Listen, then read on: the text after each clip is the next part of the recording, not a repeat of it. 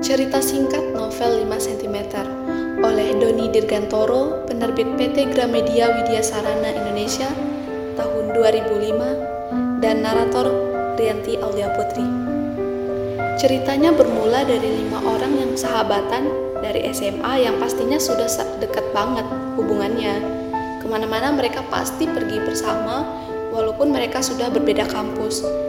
Lima orang tersebut telah lama bersahabat dan memiliki sifat yang berbeda-beda, namun selalu membuat suasana menjadi nyaman saat mereka pergi bersama-sama. Genta adalah orang yang selalu menjadi pemimpin dari lima orang tersebut. Genta adalah penggemar berat Riani, tapi yang lain tidak tahu, bahkan Riani sendiri tidak merasakan hal yang sama. Genta adalah tipe orang yang lebih mementingkan orang lain daripada dirinya sendiri. Badannya tidak besar, berambut lurus berjambul dan juga berkacamata. Selanjutnya ada Ariel. Ariel adalah orang yang paling ganteng di antara mereka berlima. Ariel ini berbadan besar, tinggi, dan berkulit hitam. Ariel merupakan orang yang sporty, habis ke mana-mana selalu pakai sepatu basket, tapi rapi banget. Orang yang biasa aja tapi asik, jarang nyela, jarang bercanda, tapi kalau paling ketawa, paling keras. Ariel ini anak hukum, anak fakultas hukum yang tidak mengerti hukum, tapi orangnya paling patuh sama peraturan. Zafran adalah seorang penyair yang selalu bimbang. Kesan pertama melihat Zafran sangat berbeda sama pas sudah kenal lama. Badannya kurus banget, rambutnya gondrong samping, dan depan saja mirip vokalisnya Oasis, Liam Gallagher. Tapi Zafran orangnya modis, tapi kelakuannya berantakan dan orang yang paling aneh dari mereka berlima. Dan selanjutnya ada Ian. Ian adalah penggemar berat sepak bola tetapi tidak bisa main bola. Genta menyukai klub Inggris Manchester United dan badannya bengkak, badannya botak, sering dijuluki banana boat, bebek sepeda tak air taman mini, pesut ancol atau gajah dumbo, bahkan habis. Selanjutnya ada Riani, satu-satunya cewek di antara mereka berlima. Riani menggunakan kacamata, cantik, cerdas, dan sangat mengutamakan prestasi. Seorang aktivis kampus, makanya dia pintar. Riani juga tertarik pada Genta yang pintar. Mereka berlima terlalu sering kumpul sampai akhirnya mereka merasa bosan. Mereka merasa tidak ada lagi topik yang harus didiskusikan karena semuanya sudah mereka bahas dan akhirnya Genta memberikan ide supaya mereka berlima tidak ketemu dulu selama tiga bulan, tepatnya sampai tanggal 14 Agustus.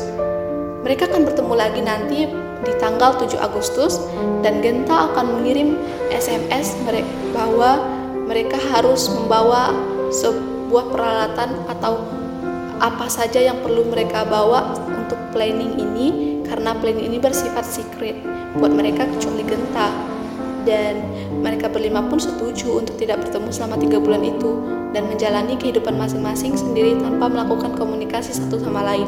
Akhirnya malam itu juga merupakan malam terakhir mereka mengumpul ber berlima sebelum tiga bulan itu selesai. Selama tiga bulan tidak bertemu, banyak terjadi perubahan yang mereka alami. Mereka berlima jadi orang yang lebih kaya hati dan pikiran khususnya buat Ian sama Ariel karena yang paling banyak dibahas di sini ia mereka berdua. Ian akhirnya menyelesaikan skripsinya yang sudah tertunda lama dengan perjuangan yang sangat keras ditolak perusahaan untuk menyebar kuesioner tapi akhirnya Ian lulus juga dan ia juga lebih dikenal dengan dosen pembimbingnya yang dosennya itu namanya lucu banget Sekonto Legowo yang punya tanda peringatan bacanya jangan disambung kalau ngomong sama Ian lama banget. Tapi kata pakai titik tiap kata pakai titik. Tapi kalau nyasar ngomong ngajar ngomongnya cepet. Ya jadinya sangat tidak disukai Ian karena terlalu cepat ngomongnya. Empat bab diselesaikan dua bulan loh sama Ian. Hebat. Ariel akhirnya punya pacar namanya Indi. Cewek yang dia kenal di tempat fitness. Mereka jadi di puncak di villanya Ariel dan pas pulang, ini jadi pertama kalinya Ariel melanggar peraturan karena sepanjang jalan Ariel nyetir cuma dengan satu tangan. Satu tangannya lagi asik menggunakan tangan, menggenggam tangan Indi. So sweet. Genta sukses dengan project-project EO-nya dengan ide-ide cemerlang dan sama seperti Riani. Kalau ditanya kok bisa, dia cuma jawab dengan kata-kata 5 cm. Aduh, jodoh banget sih. Riani sangat tertarik dengan dunia broadcasting. Dia magang di stasiun TV swasta dan baru satu bulan sesudah mulai meliput liputan atau memegang liputan. Riani memang hebat, dan kalau ditanya gimana caranya, dia cuma jawab dengan kata 5 cm dan Zafran masih PDKT dengan adik kembarannya Ariel Arinda yang sebenarnya menyukai Genta. Zafran di sini ceritanya dikit banget, tidak ada perubahan malah. Masih ngerjain proyek-proyek pribadinya. Akhirnya mereka kumpul tanggal 14 Agustus di stasiun Senen. Sebelumnya tanggal 7 Agustus Genta sudah SMS. Mereka buat bawa apa-apa aja yang perlu dibut uh, mereka butuhkan dan Ariel mengajak kembarannya yang bisa nebak mau ke mana cuma Ariel. Iya, mereka mau ke Mahameru. Akhirnya mereka berlima bertemu kembali di stasiun. Rasa rindu kelima sahabat itu akhirnya bisa bertemu lagi dan mereka saling bercerita pengalaman mereka selama berpisah. Mulai dari perjalanan mereka masih di kereta sampai di puncak Mahameru. Banyak pengalaman yang mereka alami yang membuat mereka tahu kerasnya tanah air sekaligus membuat mereka lebih cinta sama tanah air yang pas sampai di puncak. Di sini juga mereka dikenal dengan rombongan lain yaitu yang bernama Denik. Dan mereka ini punya teman yang meninggal di Mahameru namanya Adrian. Namanya sama ya dengan nama Ian. Dan karena tidak ketemu jasadnya, jadi di, di sana dibuat sebuah pemakaman-pemakaman, tapi cuman dari tempat mereka hilang dan banyak sekali kejadian yang mereka belum merasakan saat mengalami pendakian ke Mahameru. Sebuah perjalanan yang tak akan bisa dibeli dan tak akan pernah bisa terlupakan. Setelah lama berjalan, mereka hampir sampai di puncak Gunung Semeru yaitu Mahameru, puncak gunung tertinggi di Pulau Jawa yang merupakan puncak abadi para dewa. Jalanan menuju Mahameru mulai curam, banyak batu jatuh dari injekan kaki para pendaki juga dan saat mereka berlima berjalan berjalan sebuah kejadian tidak terduga batu besar mengenai kepala sebesar kepala manusia jatuh pas di depan gerombongan Genta, Ariel Zafran, Riani, Ian dan juga para pendaki lainnya. Ada batu yang kena Ian dan Dinda. Ian bisa dibilang sempat mati suri karena sempat tidak bernapas, tapi akhirnya sadar. Nah, pas melanjutkan perjalanan ke puncak, Ian dan Zafran melihat sesosok mahasiswa sendirian membawa bendera merah putih. Karena mereka di puncak mau melakukan upacara bendera 17 Agustus dan menyemangati mereka. Duluan ya mas-mas dan mbak-mbak, ayo sebentar lagi sampai puncak, langsung upacara bendera di atas.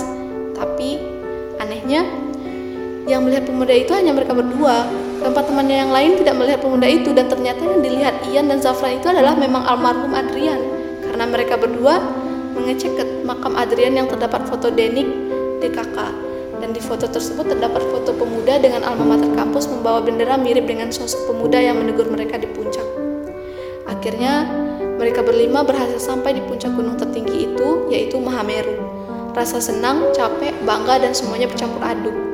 Melihat segala sesuatu berada di buah kaki saat berada di puncak tertinggi.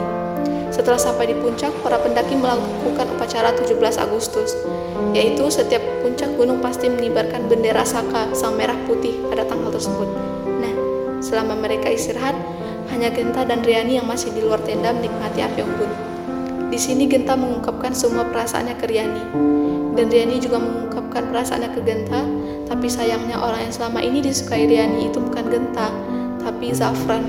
Nah, ribet kan ya percintaan mereka dalam tenda dan Zafran dan Dinda atau panggilan untuk Arinda meskipun keduanya hanya berpura-pura tidur tapi mereka mendengar semua percakapan tersebut.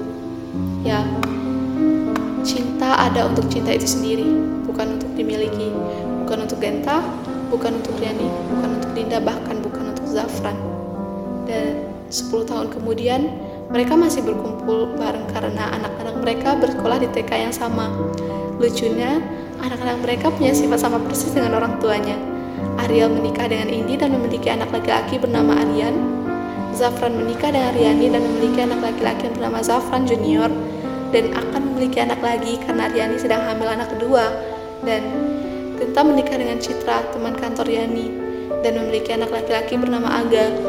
Ian menikah dengan Happy Salma dan memiliki anak bernama David. Dan Dinda menikah dengan Denik dan memiliki anak perempuan yang bernama Deninda.